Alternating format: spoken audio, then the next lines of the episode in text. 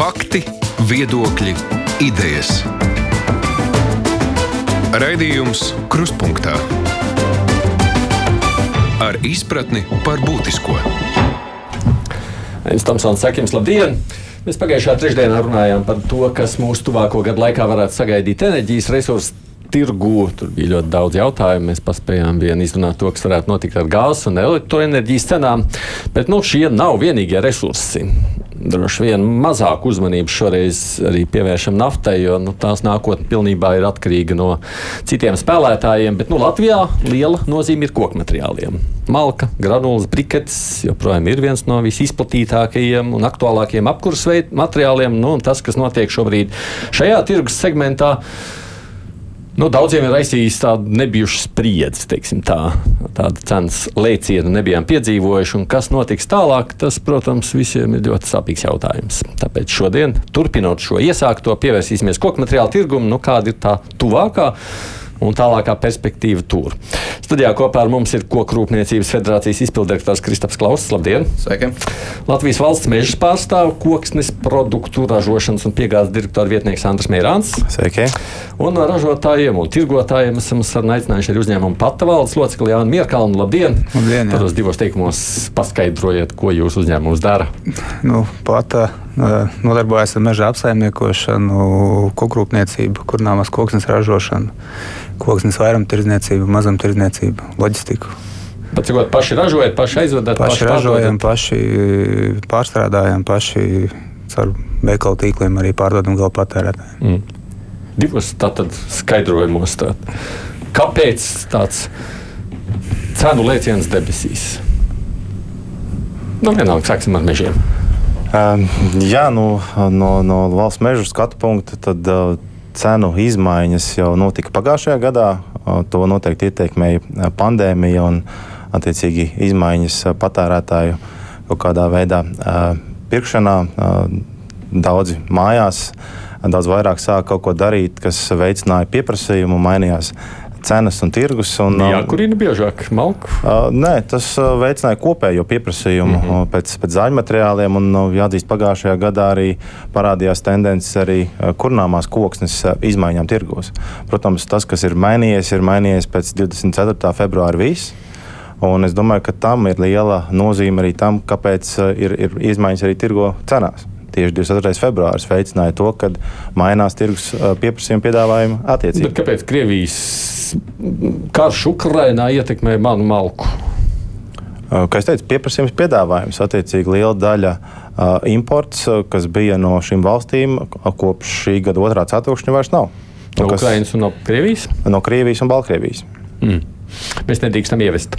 Mēs nedrīkstam ievest jā, apaļos koku materiālus, šķeldu koku materiālus, un tas attiecīgi ietekmē kopējo pieprasījumu piedāvājumu arī Baltijas jūras reģionā. Mēs nemaz nezinājām, ka mēs patiesībā esam pārtiekami tikai no Krievijas un Baltkrievijas malkas. Mums likās, ka mums ir savējā. Nē, es mazliet pakomentēšu. Mēs nepārtiekam tikai no Krievijas un Baltkrievijas. Krievija bija ļoti maza daļa, varētu teikt, ka nebija.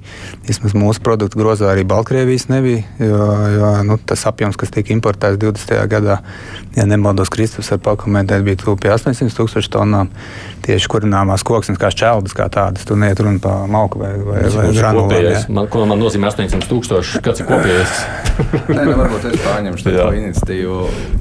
Neliekam putrā vienā briketes, granulas, malku, šķeldu. Jā, man liekas, ka viss ir viens koks. Nu, es gribētu redzēt, kā tu savā lauku mājā šķeldu dezini malkas krāsniņā. Un es gribētu redzēt, kā, piemēram, Rīgas siltuma katlu mājā kāds Bertu skaldītu malku. Tie ir mm. tomēr dažādi produkti. Viņiem savstarpēji, protams, ir likumsakarība, ka no tā paša malku koka baļķa var saražot gan malku, gan šķeldu. Un, un vēl skarīgi, ka var saražot izējuma materiālu apstrādes rūpniecībai. Īsa atbilde, kāpēc, un, un principā vairāk būtu jārunā par šķeldu, jo tālāk no šīs šķeldas loģikas aizgāja viss pārējais gan uz granulām, gan uz, uz, uz, uz, uz, uz skaldītu malku. Bet, ja mēs runājam no, no, no, no, no tā šķeldas skatu punkta, iemesli ir nu, nosacīti trīs. Vien, viens no iemesliem ir tas, ka uh, kopumā enerģētikas tirgū notiek milzīgas izmaiņas, un nevar cerēt, ka gāze ies debesīs, tur akmeņu ogles ies debesīs, emisiju kvotas, lai dedzinātu uh, fosīlos ies debesīs, un pēkšņi malkas koksne paliks visā Eiropā rāmi mierīga tajā pašā cenu līmenī. Kāpēc tā, nevar cerēt? Tāpēc, ka tās ir likumsakarības. Rupi sakot, elektrību Eiropā ražo ļoti daudz no gāzes. Tā kā tā kļūst dā, gāze tik Jā. dārga, tad pieslēdzās akmeņu ogļu stācijas, kuras lielā mērā bija aizvēršās tās ciet.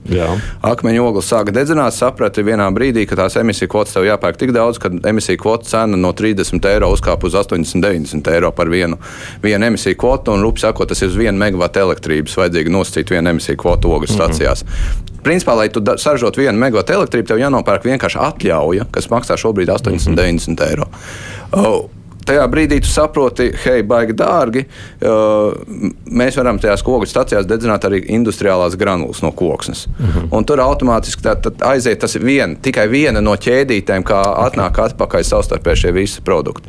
Nerunāsim par to, ka uh, arī, piemēram, mūsu pašu siltuma ražotājiem daudziem bija gan gāzes, degļi, gan šķeldas dedzināšanas varianti. Un tajā brīdī, ja viņi kļūst šausmīgi dārga gāze, tad viņi pastiprinās sāk dedzināt šķeldu. Mm -hmm. un, un šis likums sakrīt pieprasījums pieauga. Jā, pieprasījums līdz tam tiksim, bet tas pirmais ir kopīgais enerģijas tirgus tendences, mm. un mhm. vēl joprojām jāatzīmē, ka koksne ir kāpusi cenā vismazāk. Nosacīti, ja mēs runājam starp divām, trijām reizēm, koksnes kurināmais ir kāpis cenā, tad uh, ogles ir kāpušas šajā periodā četras reizes, elektrība kā tāda ir augusi pie industriāliem patērētājiem tūp pie sešām reizēm, mūsu, kā, mūsu privātajos rēķinos apmēram četras reizes, un, un, un, un attiecīgi, par ko es neesmu pieminējis, gāzi, jā, gāze, mirkļiem vietām Latvija pirka par 10 eiro megawatu stundā šo kurināmo pagājušajā gadā šobrīd tev lētāk par 240 nenopirks. Nu, mm -hmm. nu, nu, Saprotam, tās reizes mūsu gadījumā ir kaitinoši lielas, bet vēl joprojām ir uh, salīdzinoši visaudzīgākās patērētāju maciņām. Tas ir pirmais iemesls, šis uh, enerģētikas tirgus. Otrais iemesls ir uh, tas, ka mēs tā lepni viņu saucam par koku kurināmo, bet viņš nav tikai vienīgi domājams, izņemot zaru šķeldu, kur teorijā varam iedomāties, ka tikai var sakurināt. No malkas tu vari ražot tikpat labi enerģiju Tikpat labi tu vari ražot plātni, tikpat labi ražot granulu. Uz viņu konkurē daudzi.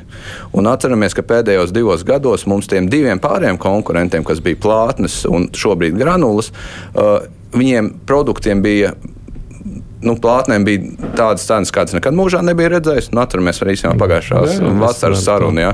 Un, un, un, un šobrīd ir granulām, ir prēmija un granulām tieši mājsaimniecība granulām tādas. Un vēl iedomājamies, ka Latvijā ir koģenerācijas stacijas, kas ražo elektrību. Pie šīs elektrības uh, Nordpūļa cenas viņi patiesībā var maksāt visvairāk par visiem par šķeldu, lai tikai saražo šo elektrību.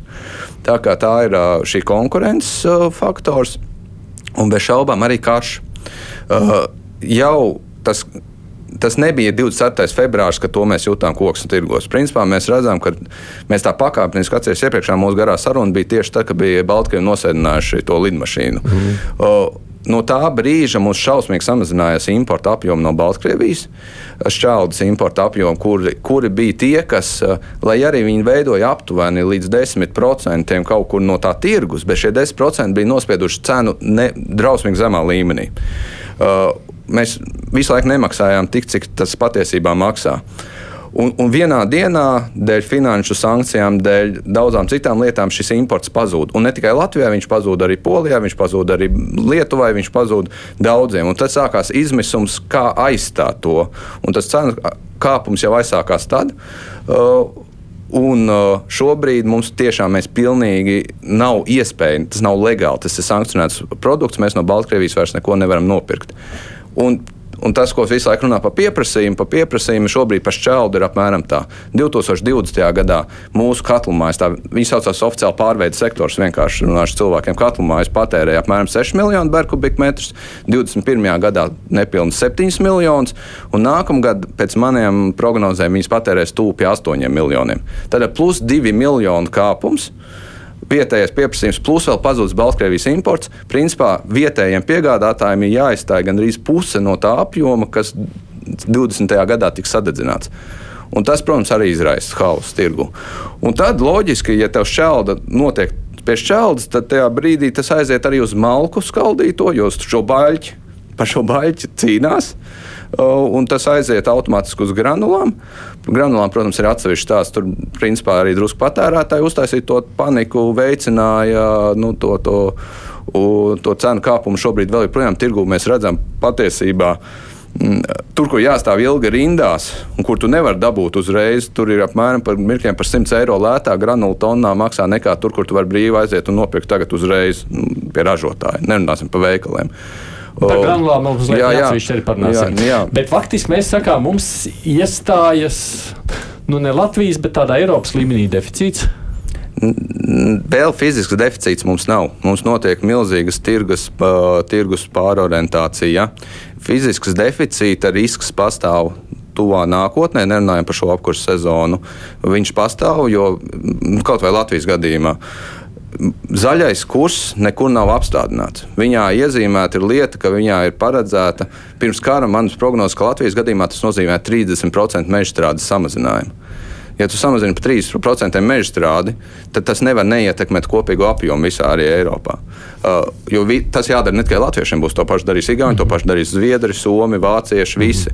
Uh, tā kā tas ir viens tas uh, risks nākotnē.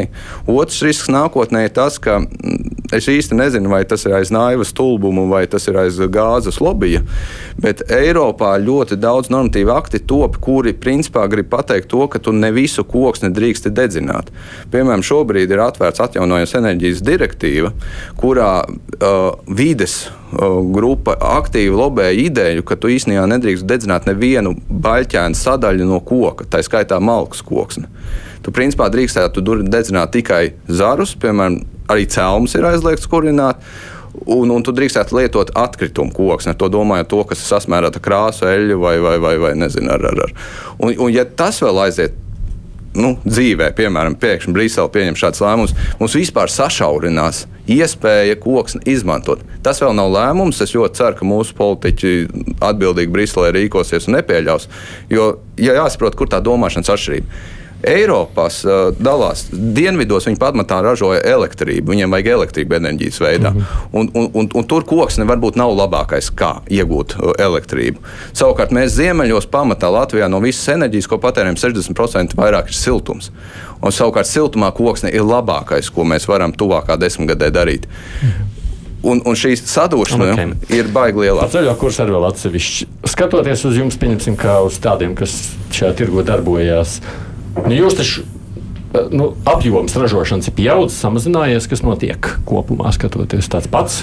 Nē, nu, kopumā mēs mēģinām uh, lēnu, bet pieaugumu. Turpinām ražot vairāk.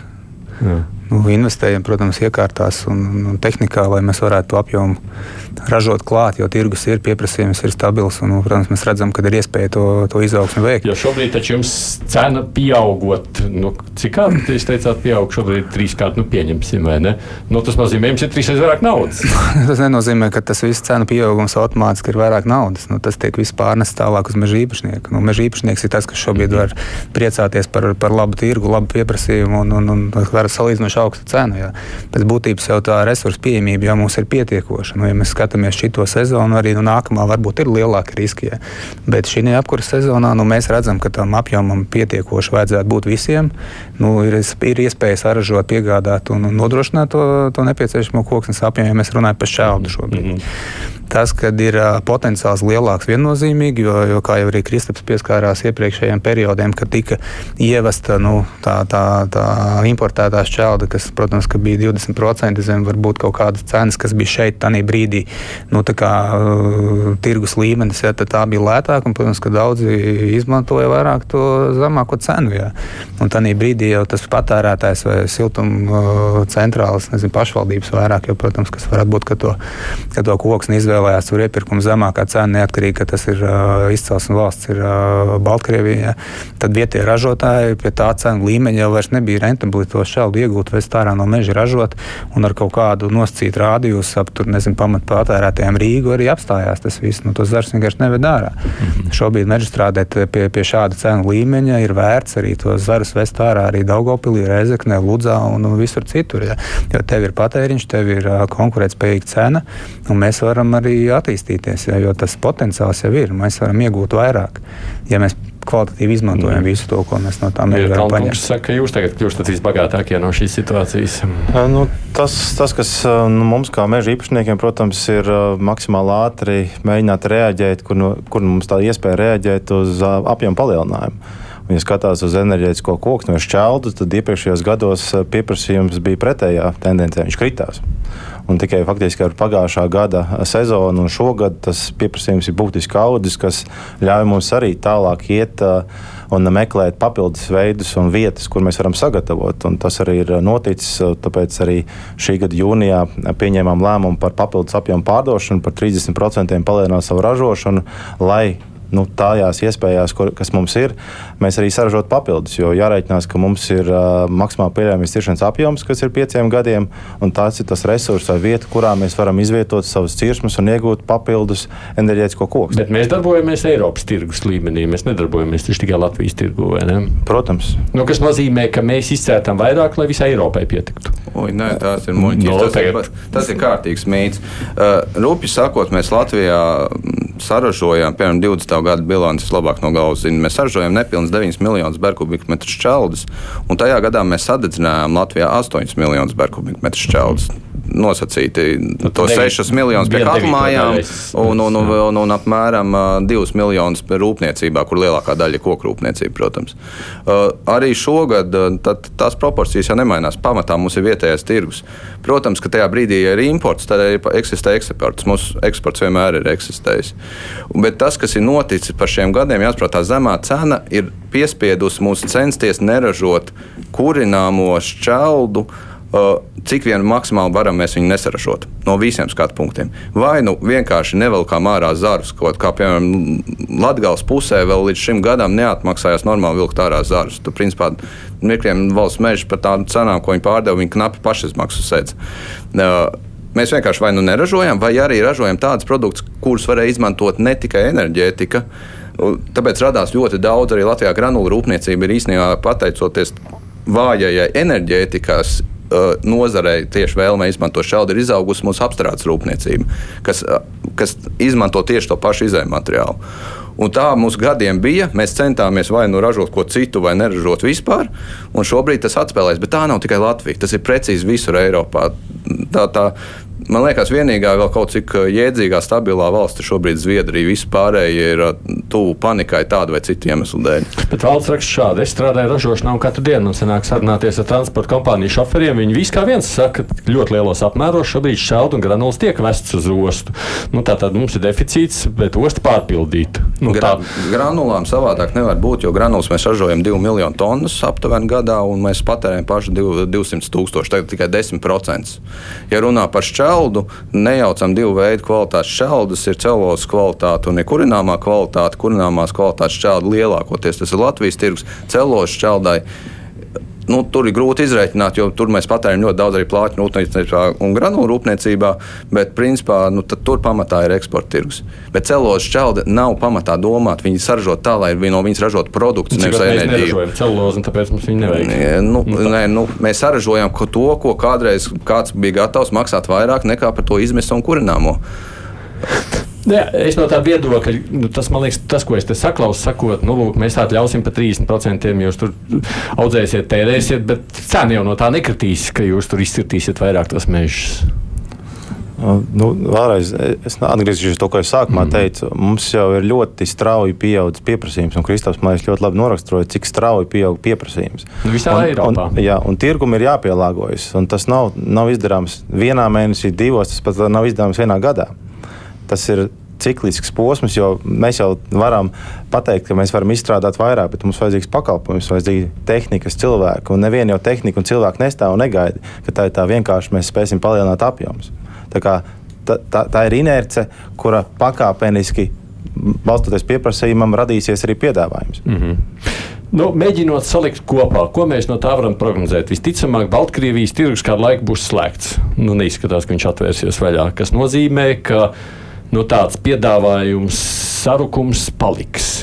Nu, no tāda puses, kas nāca savukārt no, no Baltkrievijas puses. Cik liela ietekme bija Baltkrievijai vai Krievijai kopējā tajā Eiropas tirgu? Atkal tos miljonus, ko es minēju, tos 6, 8 miljoni, tie bija Latvijas patēriņi. Ja es no galvas jā. nevaru pateikt Eiropas patēriņus, to es piedod, nezinu.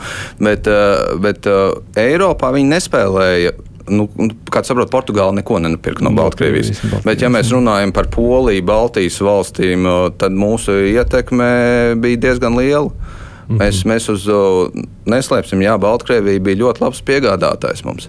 Mēs balstījām savus ražošanas ķēdes, tā skaitā uz viņu.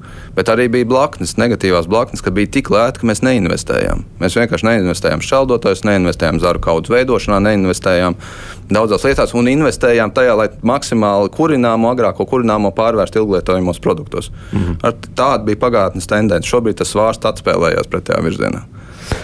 Nu, labi, kas nozīmē, šī puse nemainās. Pieprasījums visticamāk arī augs. Ne? Nekas neliek domāt, ka tas varētu samazināties tuvākajā laikā. Pieprasījumam ir jāaug. Mums nav jā. citas alternatīvas. Vismaz, vismaz ne Latvijā. Tātad jums darbs neaptrūksies pilnīgi noteikti.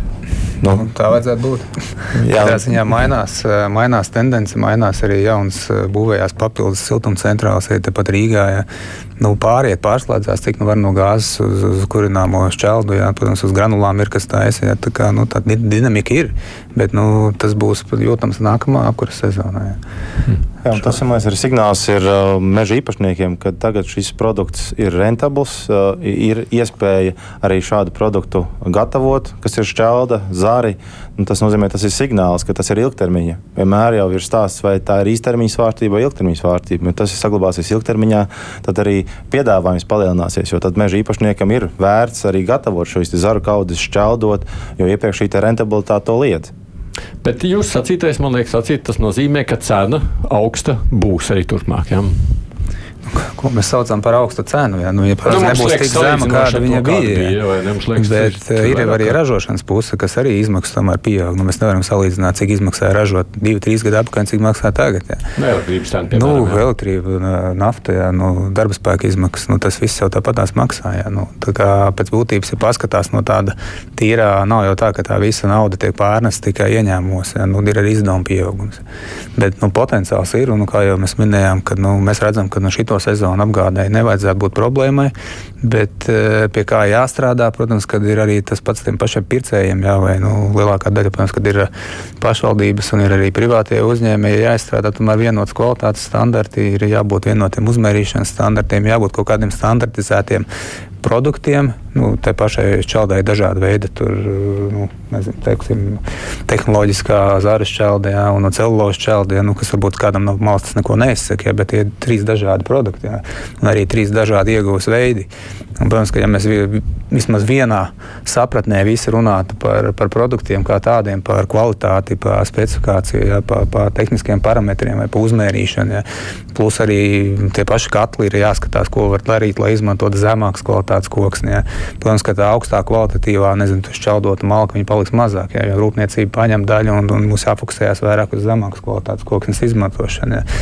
Tie ir, nu, varbūt jāpārbūvē kaut kāda katla, jāpārbūvē kaut kādas tehnoloģijas citas. Ja. Nu, tie, kas ir stagnējuši gadus 20, pieraduši tikai izmantot eh, ļoti augstas kvalitātes koksni, protams, būs dārgāk. Ja. Bet, bet kopumā es teiktu, ka ir, ir jāstrādā pie kvalitātes, pie, pie standartizācijas, uzmērīšanas, ir jābūt kaut kādiem vienotiem principiem, arī ko iepērk. Tas rada diezgan lielu hausu šobrīd, jo tie gala patērētāji vai, vai, vai tie, kas organizē to iepirkšanas procesu, viņi to dara haotiski, nu, rīkojās varbūt tās ne, ne pēc vienotiem principiem. Ja, nu, tu, tu faktiski nevari saprast īsti, ko katrs pērk kaut ko citu, ja, bet beigās tas viens un tas pats. Un, un, un pie tā būtu jāstrādā, lai vismaz kaut cik stabilizētu to, to, to, to procesu, produktu piegādi un uzmērīšanu. Ja tas būtu tas, ar ko mēs varētu to tirgu mm. daudz maz tādu nu, sakārtot. Protams, ka cenu dinamika regulēs tirgus. Nu, tur nevar pateikt, ka viņš būs lielāka, mazāka. Nu, tas būs attiecībā pie nu, jā, jūsu prognozes. Tuvākā, es pagaidām paliekam pieņemsim vienu, divu gadu laikā. Jūsu, kā jums šķiet? Nu, es, es nedomāju, ka viņi paliks stipri lētāki nu, kaut kādā robežā viņai jā, jānonāk līdz kaut kādiem loģiskiem cipariem. Jā, nu, jo šobrīd jau mēs krustojamies starp uh, rūpniecību un enerģētiku.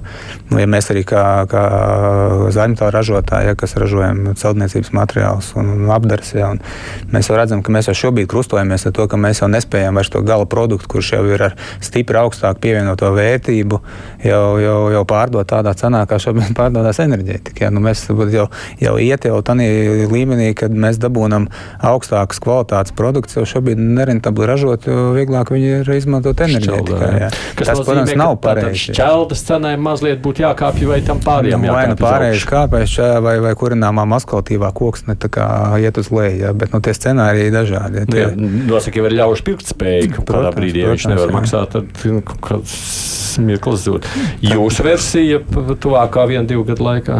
Uh, jā, nu, es gribētu teikt, ka kad, uh, nu, šobrīd uh, pamats uh, cenām būtiski mainīties te uz leju, protams, šajā sezonā es, es nesaskatu. Mm -hmm. par, par nākamo sezonu es domāju, ka šīs maza, mazkvalitīvās koksnes cena ir, ir pārāk augsta.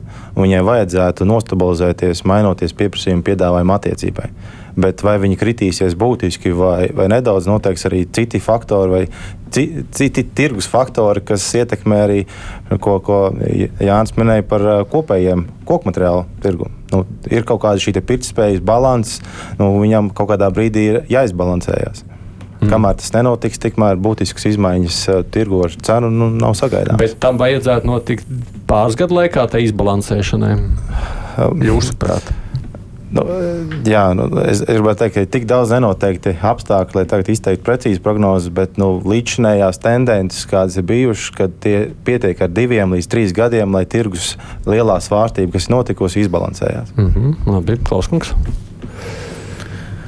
Viņa ir neilgspējīga augsta tā cena, bet tas nenozīmē, ka viņa pēkšņi nevar kļūt par uh, jauno normālo, diemžēl. Un tas lielā mērā izšķirs, kāds mums būs zaļā kursa ceļš. Ja mēs runājam par tiem meža strādes apjomiem, kas ir šodien, pie tās bū, ražošanas ķēdes, kāda ir šodien, tad es domāju, ka cena no viennozīmīgi kritīsies. Es gribētu teikt, ka viņi pat būtiski kritīsies. Viņi noteikti nepietuvosies pērnā gada cenām, bet viņu, viņu var par vairākiem desmitiem procentu samazināties no tā līmeņa, kas ir šobrīd. Tā it kā būtu loģiski domāt. Vai tas notiks līdz decembrim? Noteikti nē. Visticamāk, šajā apkurss sezonā varētu arī neredzēt mēs kaut ko tādu.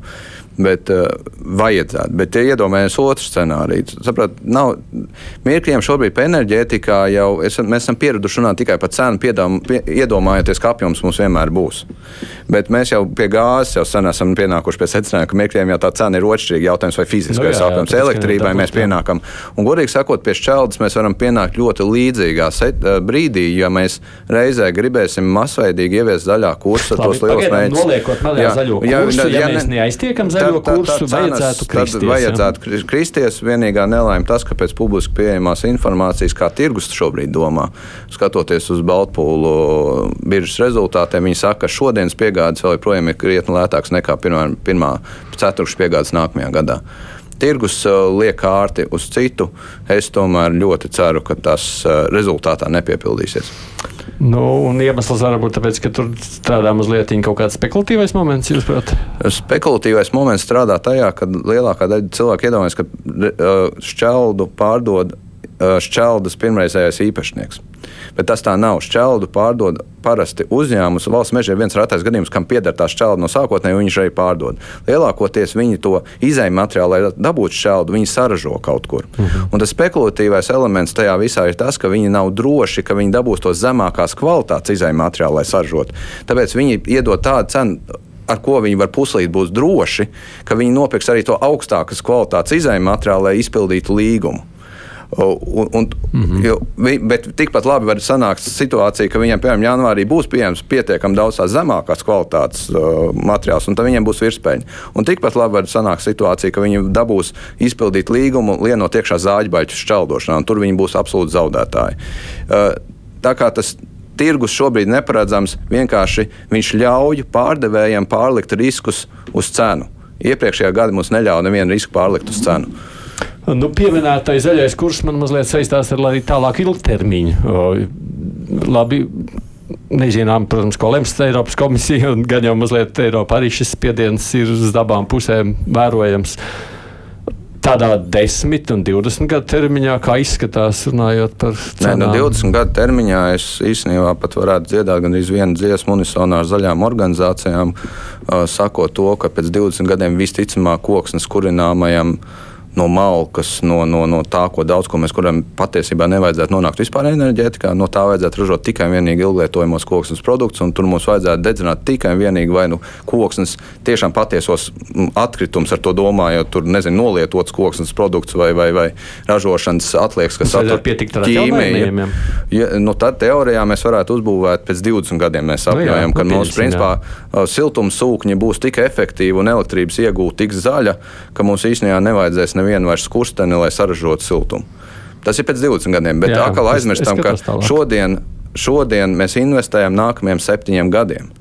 Un šodien, septiņiem gadiem, mēs investējam šķeldus katlu mājās, kas ir pareizs lēmums Latvijai.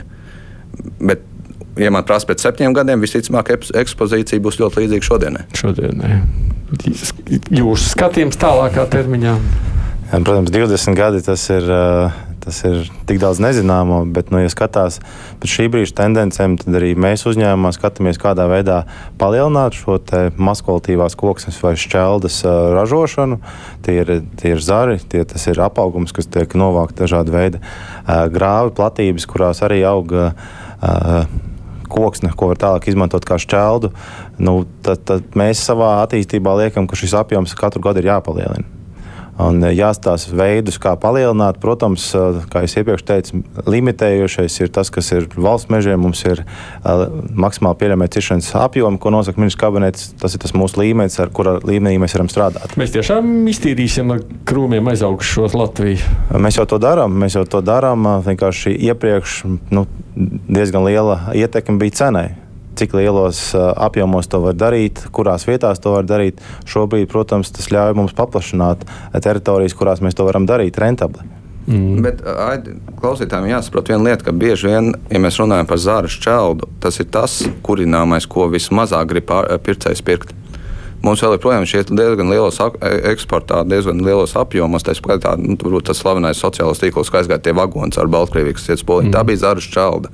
Un nevis viņi gāja tāpēc, ka mums uh, gribētos tā, bet tāpēc, ka vēl joprojām šo produktu tīrā mm. veidā ļoti daudz pircēju atsakās pirkt. Bet, ja būs deficīts, varbūt iztīrīsim tomēr. Kā izskatās tālāk perspektīva? Nu, es arī negribētu baigot prognozi likt tālāk. Vismaz, ja skatās pēc čeldu un, un, un pat 5, 7 gadi un to, ko tagad dara un pārslēdzās vairāk uz izmantošanu tieši čeldē, tas ir pareizi. Ilgā, ilgākā termiņā, nu, redzot, kā attīstās saules parki, vēja parki un, un, un kopējā elektrības ražošana, neizmantojot tikai koksni jā, vai gāzi, tad, protams, ka elektrības cena varētu būt uh, ļoti konkurētspējīga un, un daudz pārslēgsies tiešām uz, uz zemes siltumsūkņiem un vairāk izmantos elektrību. Ja? Nu, tā, tā kā varētu būt. Jo arī nu, nu, tā vajadzētu pēc, pēc tās dinamikas, kas šobrīd notiek. Arī valsts meži attīsta vēja parkus. Mēs strādājam pie, pie saules parku un vēja parka izveides. Tā kā šī tā nākamā sezona noteikti būs, būs ļoti, mm. ļoti augsts pieprasījums, bet es gribētu tikai teikt, ka pieejamība ir. Uh, ir jāspēj viņu saražot un piegādāt laikā. Un, protams, ka uh, nu, es teiktu, ka nevajag būtiski varbūt tās šobrīd uh, tiešām trakot ar to, ka jā, mums ir tāds deficīts un kad, kad visiem te viss pietrūkst. Nu, labi, jūs te... kaut kā tuvāk aina esat iezīmējuši, man liekas, diezgan, nu, man iztēlojam šobrīd. Bet tie pāris jautājumi, kurus vēl tajās atlikušajās minūtēs ir jāpajautā. Meža, īpašnie, meža cenā vajadzētu kāpt, vai ne? Tagad ir tie, kas ir meža īpašnieki, vajadzētu būt iekvējiem.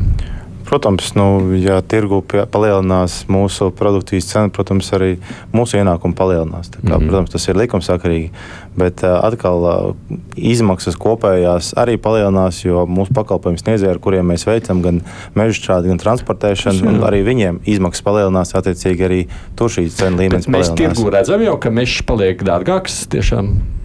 Uh, paliek. Jā. Es neesmu skatījies SSLV. Ja, par hektāru vērtībām, tad, protams, ka pieaugums ir jau, jau pēdējos trīs gadus. Tā kā stabils pieaugums. Un tā vajadzētu kāpt vēl uz priekšu, skatoties nu, tas ir atkarīgs arī no resursu pieejamības, finanšu resursu pieejamības. Nu, jā, jā. Tie, tie meži, kas ir gatavi ciršanai, var saņemt ciršanas apliecinājumu, tiem ir ļoti būtiska cena pieaugusi. Ja runā par jaunākiem mežiem, kuriem vēl jāgaida, ir tālu vēl ciršanas vecumam, viņiem arī vērtīgi pieauga pateicoties arī ministra kabineta noteikumiem, kas samazināja šos diametrus. Beidzot, viņi sāk maksāt to, ko patiesībā viņiem bija jāmaksā. Vairs nevar ārzemnieki par lēto, viņi nevar tik viegli nopirkt. Nopirkt. Nu, tad Melnākšņa kungs prastā, sakiet, ko tad jūs kā eksperti iesakiet man darīt kā maziem uzņēmējiem? Pirkt tagad tās dārgās staļu granulas vai gaidīt brīnumu rudenī? Ko jūs atbildēsiet Melnākšņa kungam? Dārgās granulas. Nu, kas ir relatīvi, tas, tas es neuzskatu, tas ir dārgās. Ja pārēķina granulu cenu uz megawatu cenu, izdaliet ar pieci, nu, tad ir jebkurā gadījumā lētāk nekā gāze vai elektrība šobrīd. Nu, es teiktu, ka droši var pirkt un, un izmantot. Nekritīs vairs. To mēs nezinām. To mēs nezinām jā. Jo tā, tam ir, tur ir viss tas nezināmais. Mēs nezinām, cik ir vietējie sapirkuši. Un, ja pēkšņi novembrī izrādīsies, ka visi tā ir sapirkuši, ka viņiem vairāk neko nevajag, tad tie uzņēmumi, kas strādā tikai vietējā tirgū, visticamāk būs izmisuma stāvoklī. Savukārt, ja vēl joprojām būs stabils pieprasījums nu, šo, šo šī brīža līmenī, tad nav pamats domāt, ka tās cenas kritīsies. Tas jau taču Somija un Zviedrija tiešām pērk mūsu vai ne granulas. Jā, bet tās ir industriālās granulas pamatā, ko mēs eksportējam. Prēmiju granulas, jā, mēs arī eksportējam, bet jāatzīmē, ka Vācijā šobrīd, tieši šobrīd, rūpnīcas vārtos šķēlu granulu, prēmiju granulu cena pārsniedz jau 600 eiro. Tā kā, piemēram, pieminētā uzņēmuma 400 eiro plus cena ir joprojām šausmīgi lēta salīdzinot to, kas ir Vācijā redzams šodienas izmisuma situācijā. Neko nevar noprognozēt, kas notiks ar granulu cenām tālāk. Es teicu, tas ir daudz nezināmie, kuri, kuri, kuri saliksies kopā, bet kopumā šī cena arī nav ilgspējīga. Viņa ir par augstu. Ir par augstu. Nu, mēs te runājam par malku un šķeldu. Jūs teicāt, ka kaut kam vajadzētu kristies. Es saklausīju, nu, ka tādam dramatiskam kritumam mazāk ticams. Drīzāk, ja tur kas kritīsies, tad kritīsies nu, kaut kādā nu, ne tik strauji, cik uzkāpa vai ne. Ar granulām tas pats. Viņas jau sasiets, viņas ir sasietas kopā. Jā, es arī gribētu teikt, ka nu, tas jau ir uh, vienkārši cits produkts, kuru tālāk izmanto uh, siltuma ražošanā. Līdz ar to viņi jau visi ir sasaistīti. Bet uh, vai, vai kritīsies, vai, vai šim konkrētajam klausītājam iegādāties, nu, tas noteikti viņam pašam jāizvēlās, vai viņam ir alternatīva. Vai viņam ir alternatīva gaidīt, Un, nu, šie nezināmie vienā nu, brīdī. Nu, viņš gaida līdz rudenim, cerībā rudenī varbūt jau krītās. Nu, labi, varbūt, ja pietiek, pieņemsim, ir iepirkts līdz decembrim, tad mēģina saprast. Decembrī būs kaut kas labāks. No, aktivitāte, kas bija maijas, jūnijas un, un, un tepat uz vietas, es domāju, ka ļoti daudz vietējie patērētāji sapirkuši pilnas, pilnas noliktavas visai ziemai. Ja? Nu, vismaz man ir tāda sajūta pēc tā, kāda bija tā, tā pirmā reakcija tieši tajā vasaras sākumā. Ja? Šobrīd ir mazliet atslābums, vairāk tomēr eksporta tirgi meklē šobrīd to granulu arī prēmiju kvalitātē.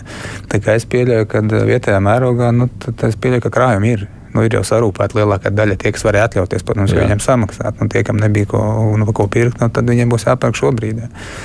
Es teiktu, ka nav pamata, ka cena varētu samazināt. Nu, viņa var piekāpt. Protams, sezonāla ietekme, laikapstākļi, nezinu, temperatūras un vispārējais patēriņš. Viņa var vēl piekāpt. Viņa noteikti, es domāju, ka neies lejā. Nu, ne, ne, ne šogad, un es arī šaubos, ka ātrāk par kaut kādu ziemas beigām būs kaut kādas korekcijas. Nu, tā, tas, tas tā man liekas šobrīd. Protams, ka mēs varam arī kļūdīties. Jā, nu. Nu, pat, pat ar visu to, ko saka Klaus Kungs, ka it kā jau iepirks un varbūt nevajadzēs vairs. Arī var gadīt gadīties. Jā, Sekundie scenāriji ir, ir dažādi. Un, protams, visiem var atrast skaidrojumu un, un, un argumentus. Jā. Es teiktu, ka ir vairāk jāpaļaujas uz to, kā, kāda situācija ir. Un tādu arī šobrīd ir jā, jādzīvo. Nu. Ne, nu, ir saprotams, ka šobrīd tas nav pat tāda normāla tirgus cena, tā ir prēmijam granulai, mājsaimniecības granulai. Viņai amplitūda ir uh, vismaz par 100 eiro un pat vairāk par 130, 150 eiro pie ražotājiem. Nerunāsim par to, ka mazumtirdzniecības nu, tīklos un, un tajā brīdī Nu, es teiktu, tā, ka nesaucot vārdā, pie, var atrast izdevīgāks piedāvājums, arī, kur uzreiz dabūt granulu nekā pieminētā uzņēmuma nosaukumu. Mm -hmm. Bet viņš noteikti arī nav ekstrēms. Ir jābeidz vienkārši pūkstens, man rāda, ka mums saruna ir jābeidz. Paldies jums par veltīto laiku šeit. Nu, kā mēs redzam, daudz nezināmā atsevišķos produktos kopējā tā aina izskatās, ka tuvākajos gados, ja kas kritīsies, tad kritīsies, bet tomēr tas pieprasījums un cena ne tā kā līdz šim. Nu, tas arī, laikam, acīm redzot, ar to ir jārēķinās mums visiem. Un tālākā perspektīvā varbūt iztiksim bez malkas. Šobrīd man liekas, tā viena labā ziņa. Es esmu galīgs nabaks. Es iešu meklēt pats pa graumalēm, pa kaut kādai pagalītei un tam līdzīgi. Skatījos, kaimiņš sapirka veco mēbeļu malku visai ziemai. Tas kaut kādas durvis vecas un vispār jau kurinās. Man ļoti žēl, jūs jau no skursteņa nāks briesmas. Jā, es ar to rēķinos. Jā. Tā saka Kristaps Klaus, kurš ir Kokrūpniecības federācijas izpildirektors. Jānis Mirkāns ir uzņēmuma pata valdes loceklis un no Latvijas valsts valsts mežiem Andris Mērāns, koksnes produktu ražošanas piegādes direktora vietnieks. Fakti, viedokļi, idejas. Raidījums Krustpunktā ar izpratni par būtisko.